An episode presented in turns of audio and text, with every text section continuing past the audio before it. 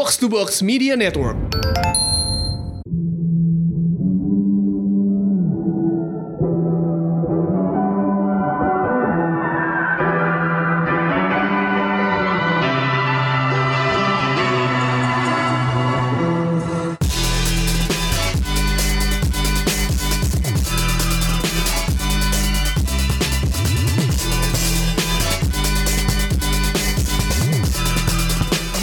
Showbox Podcast. Ada gue Lisa dan gua Angga dan kita mau minta maaf karena sudah dua minggu cuti ya cuti kita cuti. Lo dari mana aja lo nggak apa kabar?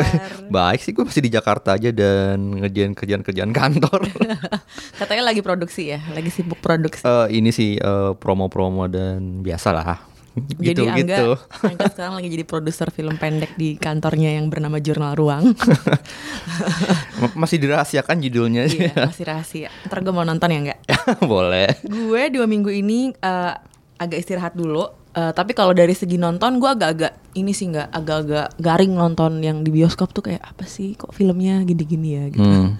Jadi gue kurang banyak menonton semingguan ini tapi gue berhenti langganan Netflix untuk sementara. waduh kenapa lo Iya, bosen karena gue bosan setelah abis ter- terakhir tuh kan kita nge-review apa ya Bird Box sama Bird Roma Box, ya. Roma, hmm. Eh, terus habis itu tuh gue agak-agak eh, aduh pengen ganti yang lain gitu ya, pengen Hmm. lihat dan gue pengen nonton eh, Homecoming di Oh, eh, di iya. Amazon Hmm. gitu. Jadi gue akhirnya berarti langganan. Hmm. Dan gue mulai langganan Amazon Itu kan ada free trialnya seminggu kan Jadi gue kayak nyoba seminggu Seminggu abis sih gue nonton Homecoming Itu sekitar Hmm. 10 episode ya Eh, Terus itu secara UX-nya tuh kayak gue agak-agak kecewa gitu Karena lama banget Oh. loadingnya Terus kayak harus settingnya tuh agak-agak Kayak banyak banget fiturnya Jadi tuh pergerakan dia tuh lebih lama gitu loh Oke. dibanding Netflix Dan dia nggak bisa Kayak kalau mau nonton tuh ada selalu ada opsi gitu loh Hmm. kayak mau nonton dari terakhir lo tinggalin nih resume atau Hmm. lo mau atau lo mulai dari awal. Jadi kayak setiap mau nonton tuh kayak banyak sekali pilihannya. Terus gue yang kayak aduh gue kangen deh dengan Kemudahan Netflix, yang Netflix ya. simple. Iya, bener sih. kayak kayak kayak dia tuh bisa ngebaca gue mau nonton apa dan kayak gitu-gitunya tuh lebih enak di Netflix gitu. Cuman eh, kenapa gue akhirnya berhenti Netflix dulu sebentar? Karena gue mau sebulan ini mau ngabisin beberapa series yang pengen gue tonton di Amazon Prime Salah satunya adalah This Is Us. Ini kan dari tahun 2017 ya kalau nggak salah ya Mhm. keluarnya. Tapi gue belum sempet nonton karena kan ya maksudnya gue nonton di mana juga gitu. Gue nggak mau nggak mau yang bajakan juga. Jadi gue pengen nontonnya legal gitu. udah kekejar jadinya nih. Nah kekejar nih, wah lo harus nonton sih. Jadi Iya. itu ceritanya tentang sebuah keluarga eh, Wow. yang ayahnya sih. drama Ah, kan keluarga gue tahu kan lo suka kan drama keluarga. Eh, itu tuh ayahnya dimainkan oleh Milo Ventimiglia yang Oh, jadi iya. Jess di Gilmore Girls oke oke ibunya adalah Mandy Moore. Uh, Wah. Terus iya jadi Rebecca dan Jack tuh. Uh, mereka punya tiga anak. Hah? Uh, yang dua itu adalah kembar, yang satunya adalah adopsi. Mm-mm. Gitu. Uh, ceritanya tuh sedih banget apa ya mengharukan banget dan kalau orang kan nonton mengharukan sekali dua kali ya kalau nonton Hmm, series hmm. gitu kan ini tuh kayak setiap episode gue kayak di kayak diuji ke emosi gue Oh ya? jadi kayak episode pertama. Oke gue masih kayak berair berkaca-kaca berkaca kaca berkaca-kaca. Terus kayak episode kedua nangis sih.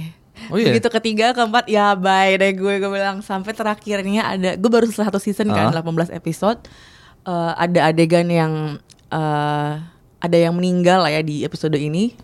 Terus gue yang kayak udah sih ini kayak udah kayak Pixar tau gak lo? Memainkan emosinya tuh udah kayak levelnya tuh kayak gitu gitu loh. Eh, jadi eh, gue sangat merekomendasikan yang belum nonton This Is Us yang suka drama keluarga. Mungkin ceritanya emang agak-agak fairy tale dan karakter laki-lakinya ditulis dengan sangat bagus nih si bapaknya nih si Jack. Terus si Randallnya yang dimainkan oleh Sterling K. Brown yang menang banyak award ya. Dia menang SGA dia menang Golden Oke, Globes SGA, dia menang Ya banyak lah award yang dia menangkan sebagai uh, leading actor in a drama series gitu Uh, bagus banget sih gue sangat merekomendasikan uh, nangis bareng juga bisa Gua iya. Lo nonton apa gua nggak? nyari deh gitu bakal cepet nyari deh. gue sih pengen banget lo nonton karena kayaknya Angga suka deh nih yang gini-gini drama-drama keluarga Iya emang film film gue film drama keluarga drama sih lo sebenarnya. nonton apa nggak Uh, Gue berapa nonton kalau yang di bioskop sih baru sempat nonton Escape Room ke minggu ah, lalu. aku juga nonton itu Mm-mm, karya Adam Robitel ya. Eh, sebelumnya dia kan terkenal juga bikin Insidious yang The, The Last Hmm. Key kan. Terus kisahnya tentang enam orang asing yang tidak saling mengenal tiba-tiba terpilih gitu aja di dalam sebuah permainan Tiba-tiba mereka mendapatkan kubus itu ya, kubus, Kubus, sempurna kubus itu sempurna. yang sebenarnya merupakan teka-teki ya. Mm-mm. Hmm. Ternyata mereka harus ikutin permainan yang memang pemenangnya kan mendapatkan hadiah berat seratus ribu dolar kalau nggak salah ya. Iya, sekitar segitu iya. dan uh, mereka nggak menyangka permainan itu ternyata harus mengorbankan nyawa mereka dan kita Hmm. melihat satu persatu itu meninggal Uh, dan mm, ini film yang plotnya udah ketebak banget sih. Iya. Tapi tetap aja karena apa ya? Karena misteri gitu ya, kayak agak-agak lumayan bisa ditonton sampai akhir. Cuman gimana nggak menurut lo? ya ya kalau kalau mau having fun aja sih nonton film ya nonton film having fun Iya. ya ini bisa Ah. banget buat uh, ngobati itu kan mengobati rasa bosan lu lah cuma ketika nonton ya mau nggak mau uh, karena plotnya udah sangat ketebak udah standar banget kita udah bisa nebak uh, Hmm. Iya. ke arah mana nih film berkembang dan paling gampang adalah menebak karakter mana yang bakal bakal mati. duluan gitu. Iya. beberapa adegan dan set set itu kan semua di dalam ruangan ya. Karena itu kan berpindah-pindah ruangan seperti game gitu. Ruangannya sih menarik menarik tuh untuk buat di buat diamatin gitu ya. Dan set propertinya oke. Hmm. Cuma ya da- dari segi storytelling terus Iya. karakter konsistensi karakter itu nggak berkurang Iya. lemah banget sih menurut gue gitu Gue nggak merasa ada yang baru banget dari escape room dibanding kayak Iya. misteri film-film misteri gitu. Jadi kayak for some reason gue nggak ngerasa ada surprise-nya aja gitu. Kayak lo tahu oh ini pasti ada yang mati. Oh ini pasti ntar gini. Kayak kayak ketebak gitu loh kayak.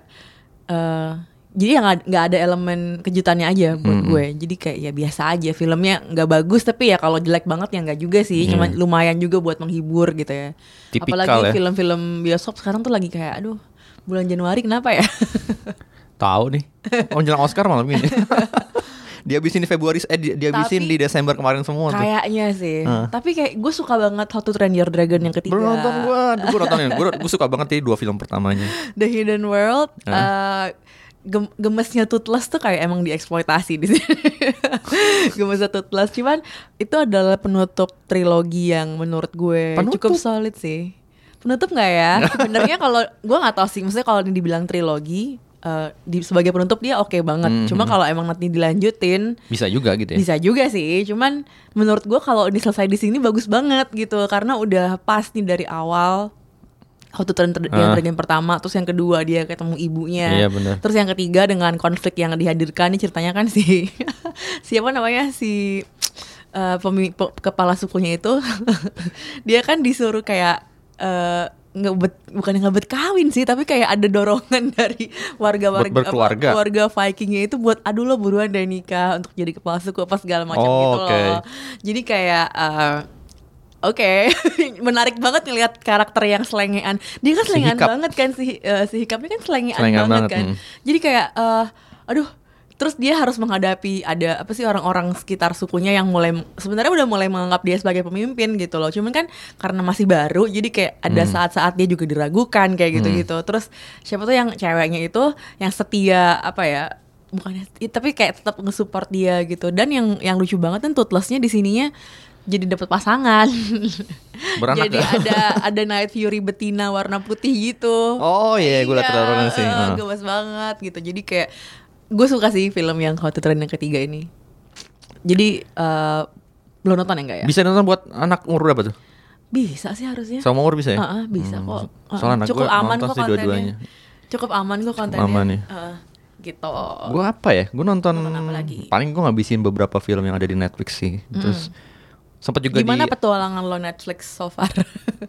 ya gue gua, kalau gue belum nyobain Amazon Prime, cuman gue Heeh. sebelum net, pakai Netflix gue cukup memakai Hook, iFlick, View sama Catchplay. Hmm. Emang dari Wah, segi gue belum pernah tuh catch play.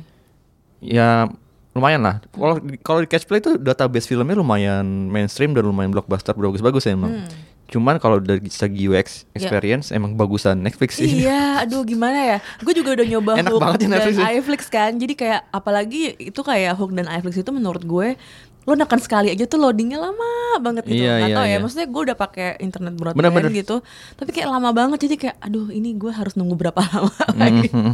gitu. Karena gue kan kalau udah nonton di rumah gue tekan terus gue be- beberes lah apa sambil dengerin TV gitu kan sampai kalau dia udah titlenya udah selesai mulai baru gue duduk nonton gitu. Iya bener sih, gue juga Ah, ngalamin itu ya. Ini tuh kayak ini lama banget. Cuman gue sekarang eh, tahun ini gue pengen kayak nyobain kayak satu-satu gitu loh nggak. Jadi kayak oke bulan Januari gue mau nyoba nih eh, Amazon Prime gitu. Dan gue punya beberapa jat, jat- daftar film yang mau gue tonton dan TV series yang mau gue tonton. Nanti mungkin April gue akan langganan HBO. Gila lu ganti-ganti ya. Karena ada Game of Thrones. Oh iya GOT. Game of Thrones. Oke. Jadi kayak eh, kan udah ada mau ada True Detective nih ya. Tapi gue kayak antar dulu deh langganan satu-satu gitu. Tapi semua ini demi apa enggak? Demi nonton secara legal. Iya bener Iya sih. enggak sih? Karena menurut gue emang susah banget nonton mau mau nonton legal tuh kayak godaan bajakan tuh kayak selalu ada gitu kayak aduh ada film bagus dari mana gitu kayak Katanya kita kan wartawan film kadang-kadang aduh iya, harus kita pengen nonton, tahu harus kan nonton. apa ah. yang apa yang lagi eh, diomongin di dunia film internasional gitu ya. Apalagi nih mau Oscar ada The Favorite, terus ada apa lagi yang Cold War katanya juga iya, kuda hitam Cold juga War, tuh. Terus kayak Soft banyak Lifter. lah. Gue aja belum nonton Soft Lifter sampai Bahkan sekarang. judul-judul yang dari tahun kemarin yang bagus-bagus kayak ada ada dokumenter namanya Minding the Gap itu katanya bagus. Terus Hmm. ada Sorry to Bother You itu juga katanya bagus kayak aduh Dokumenter juga tuh. Eh, Sorry to enggak Bother itu You. bukan itu bukan Oh, cuma fiction. kayak aduh pengen nonton tapi di mana ya nontonnya tuh kayak gitu-gitu jadi kayak sekarang karena sekarang opsi buat nonton legal lebih banyak jadi kayak udahlah mari kita menghargai Kita ini yang bisa legal ini Eh, terus gue mencoba nggak kebajakan dulu nih nggak gitu gitu sih lo gimana nggak Ya semenjak ada Netflix sih gue lumayan eh, terbantukan gitu ya. Maksudnya maksudnya untuk ngabisin waktu juga selain juga kerja ya ngabisin Hmm. nonton nonton di Netflix. Memang paling enak juga sih ininya. Jadi tadi yang gue bilang segi UX experience. Terus selain itu juga pilihan filmnya gitu gimana agak Beberapa- agak garing ya kalau Netflix Indonesia ya Oh iya, iya belum banyak sih. Kalau Iya. Indonesia sih masih masih. Gua kalau ngeliat nguasain di iFlix atau Hook sih. library-nya US Netflix di US tuh kayak aduh enak banget tapi harganya baru naik Oh iya, iya katanya. harganya baru naik Katanya kita paling mahal loh. Masa? Hmm. Gue gue baca artikel kemarin eh, kita katanya paling mahal juga di di apa namanya dari tar- eh, kita langganan gitu Iya. di semua negara di, di di luar Amerika gitu. Hmm. Salah satu yang paling mahal lah. Bukan mahal sih sebenarnya, tinggi. Mahal Hmm. sih enggak, cuman tinggi aja dibandingin kita orang langganan di Amerika gitu. Hmm. Jadi kalau dipikir-pikir tuh sebenarnya budget entertainment ya sebulan tuh emang habisnya paling Netflix atau kayak kalau gue lagi baca bayar Amazon 85.000 ribu nih. Oh, gue nonton banyak tuh gue. Nonton di bioskop maksudnya. Iya, terus nonton di bioskop gitu kan. Kita kan sekarang udah sulit ya kalau mau ngikutin press screening gitu kan. Iya, kayak kejar. aduh itu kayak abis 5 jam sendiri gitu kalau mau press screening. Jadi kayak kita nonton di bioskop sendiri, ya itu paling seminggu bisa dua bisa tiga ya nggak sih? Kak? tiga Dua atau biasanya. tiga gitu. Jadi paling 100 ribuan lah ya. Mm-mm. Sama ongkos sama sama bayar popcorn. gue biasanya beli minum sih. emang. iya kan gue kalau gue jajan minum sih sama tahunya tahu ikannya Oma Giok yang di 21 enak banget. gue jadi inget ini ngomongin Netflix. Gue baru belum kelar kelar juga nonton eh, Black Mirror yang Bandersnatch. Oh, nah itu gue berhenti di tengah jalan karena gue overwhelmed dengan segala pilihan. gue nyoba nyobain gitu kan, tapi gak kelar kelar ya. Itu berapa lama sih totalnya? dengan itu kan teorinya cuma 90 menit ya. Cuma kan lo ini Iya, kan kan ada pilihan-pilihan itu kan, harusnya bisa banyak Jadi kan. cukup overwhelming dan gue nonton bareng adik gue. Jadi kayak kita nontonnya Oke lo milih yang kanan, gue milih yang kiri gitu kayak. Jadi kita pengen tahu rute ininya kan. Oh. Kita kayaknya harus bikin episode khusus nih nggak tentang si Black Mirror. Nah, kita kelarkan dulu itu ya. Iya, ya, kita kelarin dulu nih. Kita kelarin dulu nanti kita bahas langsung di episode khusus buat Black, Black Mirror. Uh, episode kali ini kita bakal membahas film dari M Night Shyamalan yang berjudul Glass. Um, kita dengerin dulu ya trailernya. Boleh, boleh.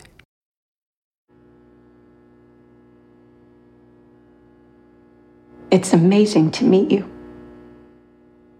It is simply extraordinary. Maybe this will all make sense if I explain who I am. My name is Dr. Ellie Staple, and I'm a psychiatrist. My work concerns a particular type of delusion of grandeur. It's a growing field. I specialize in those individuals who believe they are superheroes.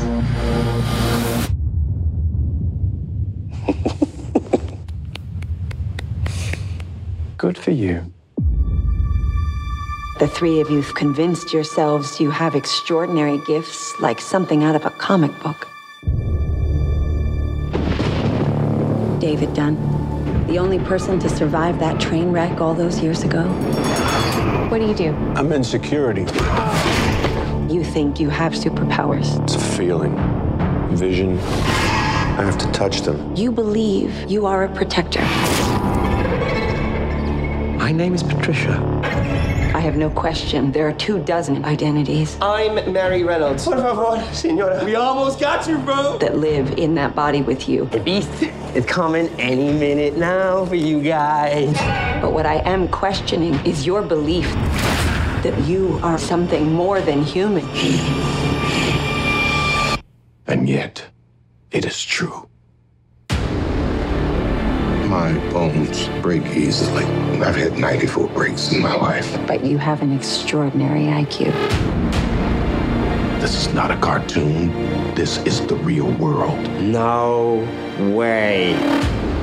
And yet, some of us still don't die with bullets. Some of us can still bend steel. I've been waiting for the world to see that we exist. May I meet the beast? I hope for your sake that he likes you. That sounds like the bad guys teaming up. A lot of people are going to die. Don't do this. Are you ready?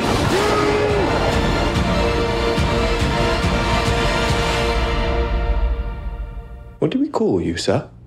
First name, Mr. Last name, Glass. Itu tadi trailer dari Glass karya M. Night Shyamalan. Eh, sinopsisnya apa sih nggak film ini Glass? Jadi tentang eh, tokoh dari Unbreakable nih, si David Dunn yang diperankan oleh Bruce Willis, dia tuh akhirnya menggunakan kemampuan supernya itu, Cil, untuk melacak keberadaan si Kevin Wendell Crumb yang punya 24 kepribadian yang di film se- film Shyamalan sebelumnya di Split dia membunuhi orang-orang perempuan-perempuan kan. Dan akhirnya ketemu. Sementara itu pas setelah ketemu akhirnya dia malah ketangkep polisi dan dimasukkan ke dalam sebuah rumah sakit jiwa kali ya. Dan di situ ternyata ada si Elijah Price alias Glass yang diperankan oleh Samuel L. Jackson. Di situ mulailah terjadi apa ya eh, sebuah perjalanan untuk ya gue nggak bisa sebut endingnya karena itu seperti biasa eh, filmnya M. Night Shyamalan adalah eh, menghadirkan twist ending. Jadi nggak enak kalau di twist. plot twist ya. Gitu Eh, lo suka nggak filmnya? Lo nontonnya eh, penuh nggak? Pertama gue nonton nanya dulu deh, lo nontonnya di mana? gue di bioskop tadi malam jam berapa ya? Setengah jam 9.50 di Blok M Square. Nggak banyak paling cuman seperlima dari bioskop. Dan itu studio satu jadi harusnya kan harusnya Iya. penuh ya. Harusnya banyak penontonnya. Bisa bisa kapasitas paling besar. Cuma sedikit banget yang nonton mungkin karena terlalu malam.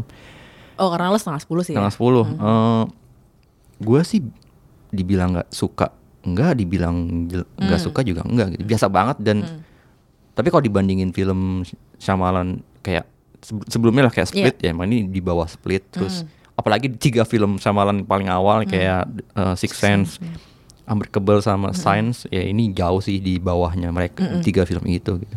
Kalau lu gimana Gue nonton tadi malam juga di sebuah bioskop Jakarta Barat. Nonton jam 7 lewat 10 dan gue mas dapatnya tuh di row J which is quite agak ke depan gitu. oh berarti penuh dong Lumayan penuh. Jadi Oh, kayak oke. emang banyak banget anak-anak kecil juga gitu ya. Gue nggak tahu nih Wah, edan. appropriate nggak sih anak kecil nonton film kayak gini. Eh cuma anyway banyak yang bawa anak kecil gitu jadi kayak emang rame banget gitu. Eh, dan gue ngerasanya ini kan dia nggak ada jam pertama ya jam 12 tuh Nggak ada, nggak ada. nggak ada. jadi semuanya dimulai dari jam 4 sorean gitu kan jadi ternyata dia masih berbagi layar dengan kalau di bioskop yang gue tonton masih berbagi layar dengan How to Train Your Dragon gitu Oke. Gue gak tau ya di bioskop di Blok M gimana. Cuman kalau di gue sih dia kayak gue ngelihat oh dia berbagi dengan How to Train Your Dragon. Tapi jadi mungkin nggak tahu ya tuh orang-orang yang dapet tiket terus jadinya nonton Glass atau karena kan gue kebayang anak-anak kecil gitu kan. Dan ini kan adalah sebenarnya gue sempat worry juga nih orang-orang ini tahu nggak ya kalau ini tuh film dari sequelnya Yes. Unbreakable dan, Dan Split. Split, gitu. Hmm. Heeh. tapi eh, di kanan kiri gue tuh sampai di belakang gue gue sempat denger ketika kan adegan pertamanya James McAvoy sebagai Patricia kan mereka tuh antusias banget. Jadi kayaknya mereka memang masih inget dengan eh, film Split yang ditonton Iya. tahun lalu gitu. Jadi oh itu Patricia tuh yang itu jadi cewek jadi cewek gitu. Jadi Oh, kayak masih ngeh ya. jadi mereka ngeh dan jadi gue juga bawa semangat gitu. Oke berarti orang-orang ini mereka tahu lah kayak jalan ceritanya atas bakal kayak gimana. Karena kalau gue pikir kalau lu nggak nonton Split dan lu nggak nonton Unbreakable lu bingung gak sih sama film ini Pasti. nggak? ya kan kayak ini film apa sih kok ada yang itu tuh Iya di- kan? kejadian di gue jadi pas selesai gue nonton Heeh. per- eh, pasangan di di belakang gue penonton ngomong gini nggak jelas wow pasti berarti nggak nonton nih film sebelumnya nonton, gitu heeh. dan kayaknya M Night Shyamalan kan bukan bukan sutradara yang kayak apa ya belum terkenal mukanya gitu loh. Kayak Ah. apa ya? Nggak tahu ya kalau di sini. Jadi karena ketika dia kan ada cameo-nya tuh di situ. Iya orang pada nggak ngerti Ah, terus kayak, kayak wah gitu. Gue atau sendiri gitu. Terus yang kayak kanan kiri gue Nggak silent tahu. gitu. Jadi kayak oh mungkin em ya itu maksudnya ini adalah perjuangan seorang sutradara nih enggak untuk bikin sesuatu yang sifatnya mungkin kayak franchise gitu tapi mungkin di luar kekuatan studio kayak Marvel di Hmm. luar di luar apa ya franchise superhero yang sekarang tuh lagi gila banget gitu loh. Jadi sebenarnya gue pengen banget nih berpihak sama Night Shyamalan. Tapi apa boleh buat ya gue nonton Glass tuh kayak aduh ini mau ke mana sih jalan ceritanya? gitu. Kayak gue nggak gue nggak eh, gue menurut gue filmnya chatty banget gitu. Dan gue sebenarnya lebih mengharapkan nonton actionnya si David Dunn eh, Iya, terus iya, si iya. eh, siapa of course si si James McAvoy-nya Kevin. Kevin dan the beastnya itu dan berapa banyak 24. karakter yang, yang dia mainkan di situ Uh, dan gue dari awal tuh agak-agak bertanya-tanya ini gimana si Glass ini fit in in between these Iya, two iya, iya. gitu kan karena kan di split nggak belum ketahuan belum Hmm. kebaca gitu jadi ketika nonton ini ini gimana ya mereka ketemunya ya dan kenapa judulnya Glass gini-gini dan setelah gue nonton gue nggak ngerasa Glassnya ini. Maksudnya Porsi of besar course, gitu ya? Iya tapi porsinya tuh biasa aja Biasa aja ternyata gue. ya, ha. untuk sebuah film yang menurut gue mungkin dia mau ngejelasin kenapa dulu Glass apa ya itu kan jadi mass murderer terus dia terus dia apa bikin sebuah kereta jadi kecelakaan segala macam gitu. Demi menemukan si Ah, ah. David. Jadi kayak gu- gue nggak gue nggak ngerasa ini Glass banget gitu filmnya. Dan ini lebih kayak ke si Shyamalan sebenarnya pengen pengen menunjukkan kecintaan dia terhadap dunia komik gitu. Tapi apa ya mungkin pengen di luar di luar arus gitu ya di luar Marvel. karena sih. di dunia ini kan Marvel di ya udah Marvel tuh industri komik gitu. Dan udah Iya mainstream banget dan Iya, udah dia- kuat banget iya, sekarang. dia ke toko komik terus ada Spider-Man ada komik-komik segala iya, macam. ada tulisan Marvel terus juga, ada film ada film Batman zaman Iya, iya, dulu DC Batman. Robin gitu. Jadi kayaknya memang dia pengen menempatkan ini adalah the real superhero di kayak di luar dunia Avengers di, Hmm. di luar Justice League gitu kan. Dia pengen bilang this is the real people yang sebenarnya bisa jadi superhero juga Yang gitu. realistis. ya heeh. tapi gue nggak gimana ya agak-agak kurang gitu kalau gue ngeliat gue sepakat sih sama lu dari segi judul dan porsi art- ekspektasi kita kan eh, karakter si Alayah ini si Glias ini besar. Ya dari segi penampilan di layar sih emang nggak banyak nggak banyak. Tapi mungkin eh, kenapa dinamakan jadi di judul di judul di judul Glass? Karena akhirnya ya Glass ini yang punya banyak eh, misi terhadap dua orang terhadap dua karakter lainnya itu kan. Oke. Tapi bener sih kata lo, ini kelihatan banget si siapa? Si Shyamalan mencoba untuk eh, memberikan alternatif karakter tentang superhero dan gimana dia superhero itu sebenarnya bisa punya potensi karakter superhero dalam film bisa punya potensi yang lebih untuk dikembangkan gitu kan. Karena setahu gue juga dia kan bikin split sebelumnya pakai uang dia juga kan. Jadi dia memang kayaknya swasembada, menurut gue swadaya, swadaya. kayak dia tuh gamble kan di split karena Iya, itu iya. sama sekali tidak dibu- tidak dipasarkan sebagai film yang sequelnya Unbreakable gitu jadi kalau Ternyata lu- sukses. Hmm. iya dan itu ternyata sukses dan ternyata itu menghadirkan sebuah respon yang super luar biasa positif gitu kan cuman eh, yang gue yang gue yang gue pikirkan kemarin setelah nonton mungkin orang tertarik dengan eh, dengan karakter yang Si dibeda-beda ini si Kevinnya ini gitu loh instead of mungkin Unbreakable dan Itu udah antara si sih David emang. Dunn dan si apa Eli- Elijah Price ini si Glass ini gitu. Jadi kayak Iya, jadi iya. gue jadi bertanya-tanya apa yang membuat orang pengen nonton ini gitu kan? Ya nggak sih? Karena kan kalau secara orang mungkin nggak terlalu invest di ceritanya David Dunn. Karena Iya, kalau gue nanya orang-orang Kelamaan. eh iya terlalu kelamaan lama, banget gitu 2000. kayak oh iya iya iya mungkin nggak banyak orang-orang yang inget gitu kan film itu kan kayak kayak gue nonton sih itu eh, waktu SMA gitu Hmm. ya nggak sih kayak itu kan film kayak hampir 20 tahun yang lalu Sama gue SMA Literally- nonton itu. literally 19 tahun yang lalu gitu kalau sekarang kita 2019 itu tahun 2000 gitu. Jadi kayak eh, berapa banyak orang yang ter, apa in so invested in this apa David dan and nggak attach. Elijah story Jadinya nggak attach gitu. dengan Jadi karakter si dan si David dan si mungkin- Elijah. eh, tebakan lo dia tahu nggak sih si M. Night Shyamalan ini? Karena memang yang sangat dieksploitasi di layar tuh kan emang James McAvoy-nya ini kan. Karena gue nggak ngerasa David Dunn stand out di sini gue nggak ngerasa Glass juga dapat porsi yang menurut gue layak gitu ya yang terutama banget sih Bruce Willisnya sih menurut gue yang kayak ah itu kayak cuman jadi sidekick nggak kurang jelas gitu karena maksudnya ah, dia ada tapi apa ya ya udah datar aja gitu karakternya nggak di Kalau menurut gua hampir semua karakter di dalam film ini sampai si dokter Ellie-nya itu dan Hmm. si Oh iya, si siapa? Sarah. Casey, Casey yang sempat Sarah selamat Paulson, kemarin di Split juga. ya Ha- ya cuman kayak pelengkap-pelengkap Hmm. aja gitu kan. Eh, ini kayak semacam apa ya? eh, tempelan dalam lu kayak bikin mozaik gitu loh, bikin puzzle terus saling melengkapi lengkapi gitu, Hmm. Yeah. tapi nggak punya nggak punya eh, fokus yang jelas juga gitu. Ini film ini mau ke arah mana gitu. Hmm.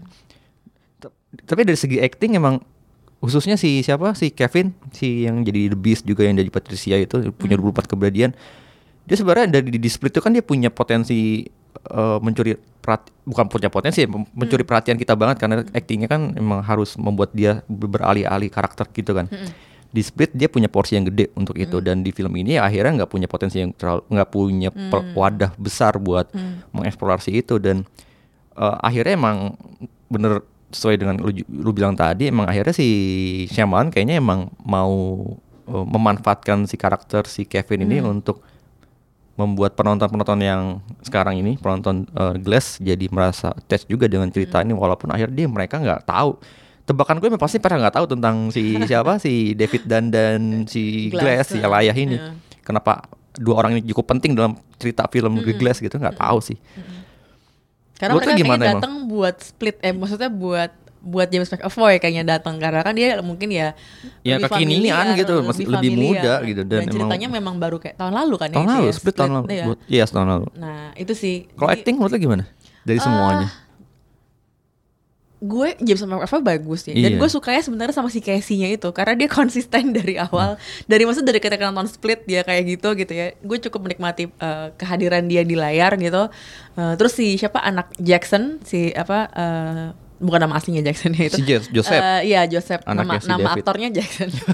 Eh, maksudnya gue gue gue kayak oh oke kelihatan banget dari kecil. Maksudnya dia lagi kan orangnya. iya waktu itu dipertahankan ya Jadi, gue eh, ini kayak jadi gue kayak, iya oh iya ya mukanya literally sama, gitu Sama, bener. apalagi matanya itu kan dia cukup eh, bisa jadi kayak emang pendamping si the overseer-nya ini The overseer, si The- pengawas. eh, eh. dan gue kayak menyayangkan endingnya karena sebenarnya gue lebih pengen ngelihat banyak tentang mereka berdua dulu ayah-ayah sama itu nggak kegarap men. Itu sayang banget Iya, kan? itu nggak jadi gue kayak wah sayang banget sih ini. Jadi Berarti kayak 19 tahun kan? Heeh, jadi kayaknya dan itu kan maksudnya lebih menarik ya buat ketika maksudnya gini eh stereotipnya adalah sekarang tuh kan semuanya buat anak muda gitu. Tapi di sini tuh sebenarnya anak mudanya si si Joseph yang ini sebenarnya jadi apa ya asisten bapaknya gitu Iya, kan. iya. Jadi sebenarnya menarik banget nih kalau bisa dilihat lebih itu kayak. Alfred ya Alfred Iya. Batman karena kan kayak kayak kebalik kan tapi kalau Alfred kan udah tua, Udah tua. nih terus si Batman ini masih muda semacam kayak gitu kan Aha. gitu nah itu sayang menurut gue sayang banget banyak hal-hal yang gue sayangkan salah satunya tuh itu gitu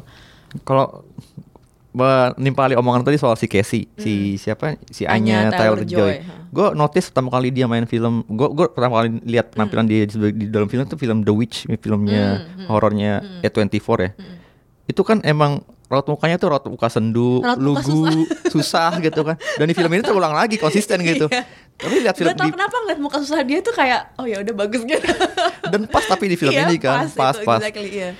Tapi gue gak ngeliat acting yang lainnya kayak David si David si Hmm. Bruce Willis itu em, seperti biasa ya eh, kayak tertahan gitu emosinya entah marah tertahan kesalnya tertahan bahagianya tertahan terus Samuel L. Jackson juga seperti biasa kayak Iya. marah banget gitu kadang gue Iya. nggak bisa melihat perbedaan karena mimik muka si eh, Samuel. Jackson dalam karakter satu film di film lain itu kayak gitu-gitu aja gitu. Walaupun emang tetap tetap kualitasnya bagus gitu.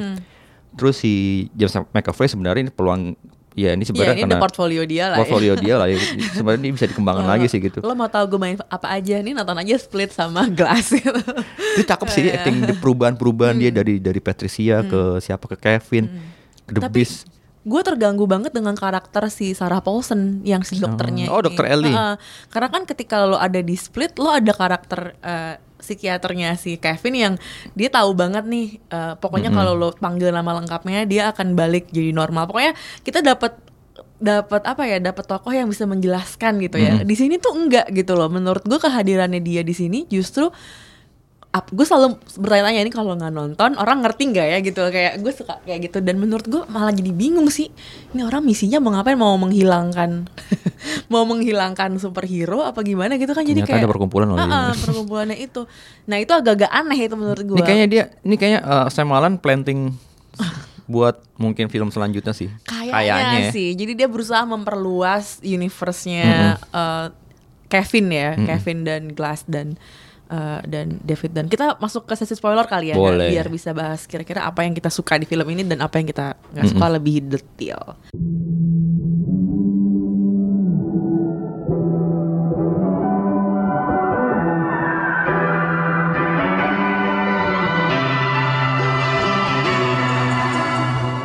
Nah, kalau gue ngerasa film ini terlalu banyak stuck di rumah sakitnya itu. Ya gak sih? Kayak.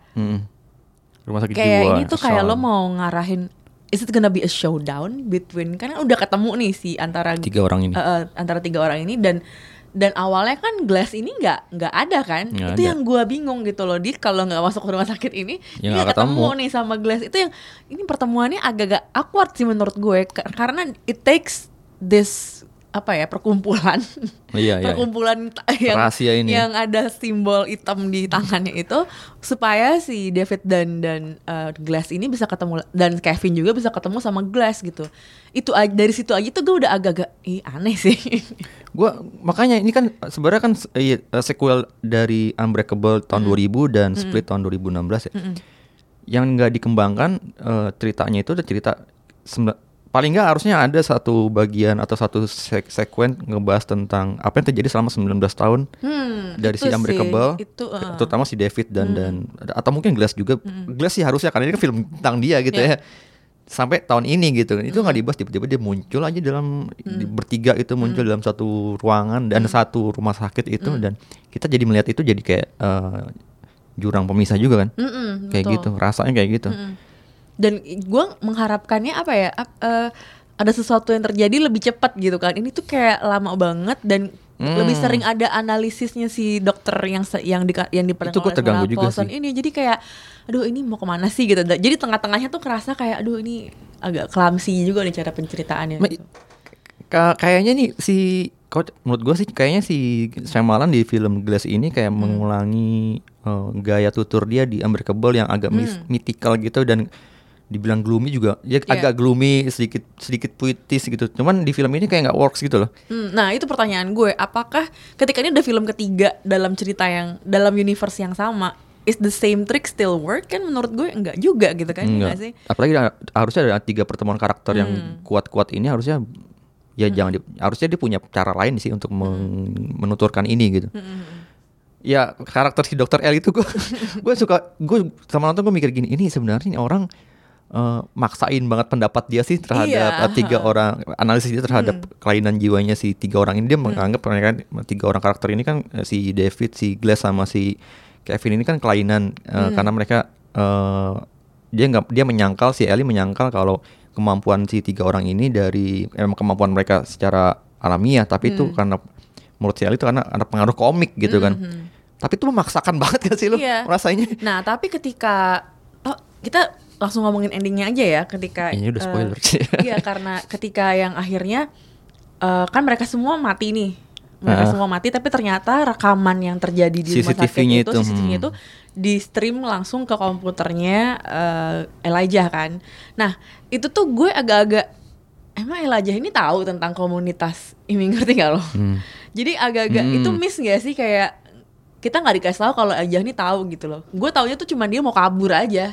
Iya kita Gitu diarahkan loh. untuk tahu iya, itu dia gue mau kabur, gue mau ke tower Osaka Tower ini dan gue akan nunjukin ke semua orang. Gue nggak dapat pemahaman kalau dia merasakan ada orang-orang yang nggak pengen mereka tuh ada gitu loh. Iya, Ya itu- itu nggak ada. Itu nggak sih per- soal Apa perkumpulan gue- itu. Did I miss that gitu? tapi atau- ada satu adegan eh gue kayaknya si David ya pas dia di dia di akhir-akhir tuh pas dia udah di- dicemplungin ke mat Hmm. Apa kepalanya cemplungin ke dalam kubangan air itu dia sempat ngeliat yang di pergelangan Iya. tangan si salah satu salah satu orang itu yang Heeh. ada tato kecil Tato itu kan. kecil, heeh. Ya cuma itu doang. iya. Selebihnya kita nggak kita nggak eh, bisa kan nebak-nebak. pada kenapa kenapa dia bisa kepikiran ngerekam semua ini si Glass ya dalam eh, kenapa dia bisa kepikiran merekam semua yang terjadi di rumah sakit dan di stream ke komputer dia gitu loh. Kalau dia nggak tahu ada komunitas yang berusaha menghapus superhero di dunia ini gitu. Dia tuh kayaknya dia kan sebenarnya misi utama dia di film Unbreakable kan dia pengen ngebuktiin kalau superhero itu ada eh, sebagai antitesis dia sebagai orang yang rapuh gitu Rapuh, kan. ha, Dan, ha. dan itu ngebuktiinnya dengan cara yang sangat radikal kan Iya, eh, dengan ngebu- dengan bikin kecelakaan satu kereta rangkaian kereta itu ratusan orang mati ternyata ada David yang masih hidup karena dia punya kekuatan itu. Iya. Dan itu membuktikan dan dia masih pengen membuktikan. Sebenarnya misi film misi si Glass dalam film Glass ini masih bertahan tuh, masih sama setia dia dengan film The Unbreakable. Dia ber- pengen ngebuktiin kalau ada orang-orang eh, kemampuan yang di atas rata-rata ini tercipta karena eh, karena emang di- bisa diciptakan gitu.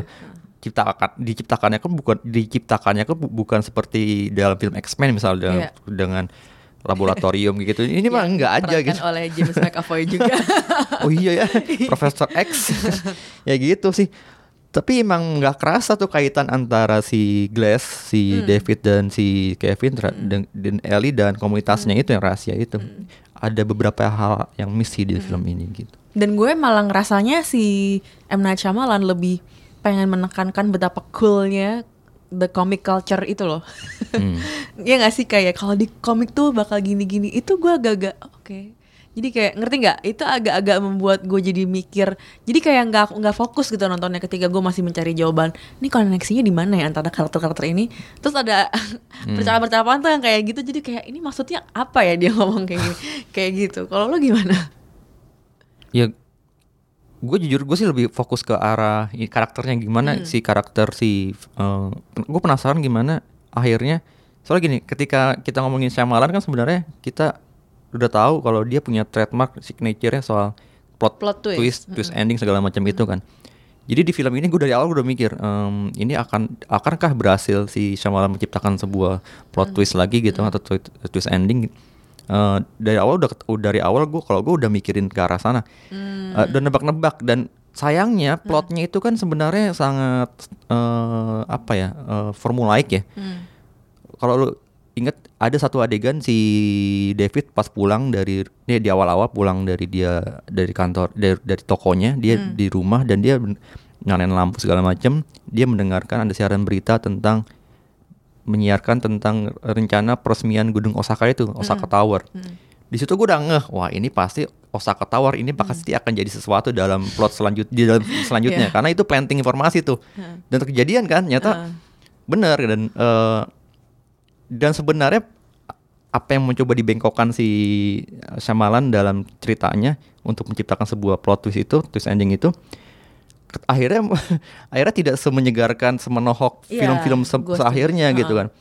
Dan komik-komiknya ini tidak dia memasukkan elemen-elemen komik gimana dia mengapresiasi komik gitu di dalam film ini dalam semua semua cara tutur ini kayak cuman untuk apa ya akhirnya? Menurut gue sih nggak nggak sekuat dia memasukkan elemen memasukkan apresiasi dia terhadap komik di dalam Unbreakable.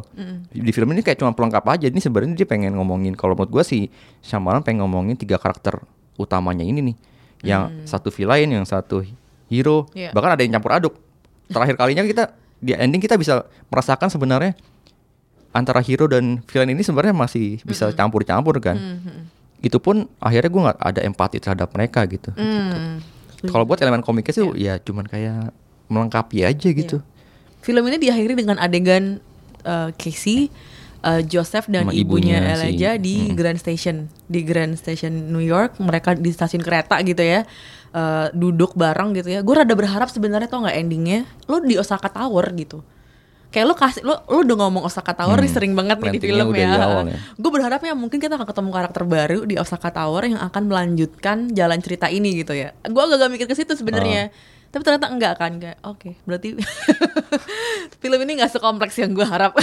iya emang nggak- endingnya pun nggak sekompleks itu gitu oh gini sebenarnya formulanya formula bikin formula yang ditampilkan di dalam film itu soal soal twi- eh, twist ending itu mengingatkan sama beberapa film Hollywood juga yang menerapkan hal serupa contoh yang paling yang gue ingat banget itu di film apa ya Italian Job tuh Italian Job yang tahun 2000 berapa tuh yang ada si Charlize Hmm. Iya, Theron juga 2000, itu iya. Matt Wahlberg itu sebenarnya kan hampir sama walaupun ini kisahnya beda cuman ada plot twist plot twist seperti itu yang Iya. sebenarnya i- udah Iya. kita udah bisa kita prediksi gitu kan ini nggak di, di Glass ini nggak kayaknya sih menurut gua sih Shyamalan tuh kayak udah kebebankan dengan kebebani dengan dia punya nama besar pencipta Iya. sebuah twist Plot ending twist, iya ya. plot twist yang gila banget Iya. Ter- ter- gara-gara Six Sense, Unbreakable dan Sign itu kan dan di film ini dia belum bisa mengulangi lagi nggak tahu sih akan bisa mengulangi lagi atau enggak cuman menurut gue harusnya mungkin ke depan dia lebih lepas lagi aja Kalau sih Ya, kalau kita sebagai penonton nih, nggak harus nggak sih kita mengharapkan hal yang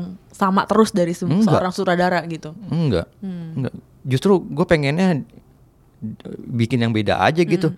Dia kan sempat bikin film eh, Will Smith yang luar angkasa juga tuh. Hmm. Itu sebenarnya sebuah sebuah eksplorasi yang berbeda juga tuh di, di- sebu- eh, untuk ukuran Shyamalan yang Ya. kayak gitu kan.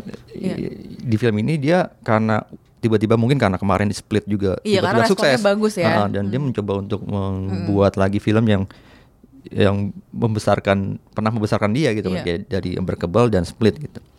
Sebenarnya ya potensial sih, cuman entah kenapa pengembangan naskah dan cara tuturnya malah kejebak dengan hal yang stereotipikal banget tipikal juga gitu. Kayak gitu sih. Apakah kita sudah tidak seinosen dulu nggak? Bisa jadi Ya, sih. Karena kita sudah nonton banyak sekali film gitu kan, jadi kayak penonton tuh udah sering eh, nonton is- beberapa formula-formula Formula- yang, formula seperti yang itu ya. ada di film-film eh, Barat gitu ya. Jadi eh, ya mungkin jadi apa ya fatigue gitu, jadi kayak apatis juga jadi kayak apaan sih gini doang gitu kayak apa kita ada kayak gitu ya sekarang ya Gue jadi mikir, iya juga kali ya. Buktinya kita kemarin ngebahas Roma, kita takjub banget sama Roma ya. Dengan kisah yang sederhana tapi sebenarnya sulit dibikin Mungkin ya kita kan. rindu hal-hal yang sederhana ya Iya, dibanding iya. film-film yang superhero apa. Tapi gue yang gue suka dari film ini adalah superhero-nya mati nggak? Iya.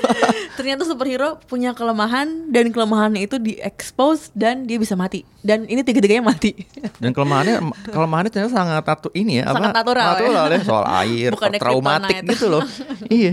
Bukannya batu kripton tapi ternyata hal air dan cahaya. Cahaya gitu. Masalah-masalah Eh, traumatik iya. di masa lalu ya. Heeh. Itu gue suka sih bagian itu. Iya, iya, iya. Dan gue berharapnya sebenarnya itu yang lebih kayak dieksplor dan sayangnya mati sih jadinya gimana mau mengekspor lagi ya itu cerita-cerita. Tebakan gue kayaknya itu sih komunitas rahasia itu. Cuma udah akhirnya Ah. kan udah hampir kebongkar dengan. Iya, dan maksud gue itu kan jadi terekspos dan akhirnya mungkin antara komunitas ini dengan si gengnya Casey, Joseph dan ibunya Elijah gitu ya gak sih? Iya.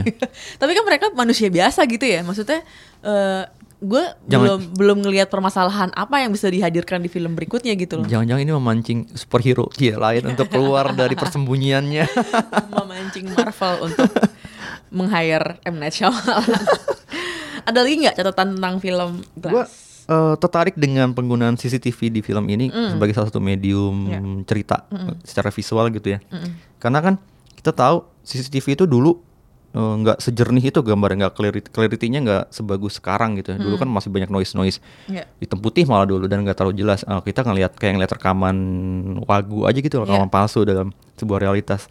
Nah di film ini dengan semakin canggih CCTV dan semakin banyak CCTV ditanam ditempatkan di misalnya kita- ngomongin kota gitu kan Iya. banyak banget kan di dalam kota ini dipakai di dalam sebuah dalam sebuah rumah sakit dan di sekelilingnya juga yang menarik gimana caranya eh sebenarnya CCTV ini kayak menggambarkan gimana ya eh ini sebenarnya pengawas kamera itu kan kamera pengawas yang yang bisa jadi mata yang jeli terhadap kenyataan. Dan di film ini kita tahu karakternya si Glass, si David dan si Kevin ini sebenarnya kan karakter-karakter yang beda dengan manusia pada umumnya. Dia itu kayak superhuman yang eh, beda aja. Dan kalau ngutip omongan si Gunawan Muhammad kayak ini di The Others Lian gitu, orang yang apa dari Lian ya, Lian.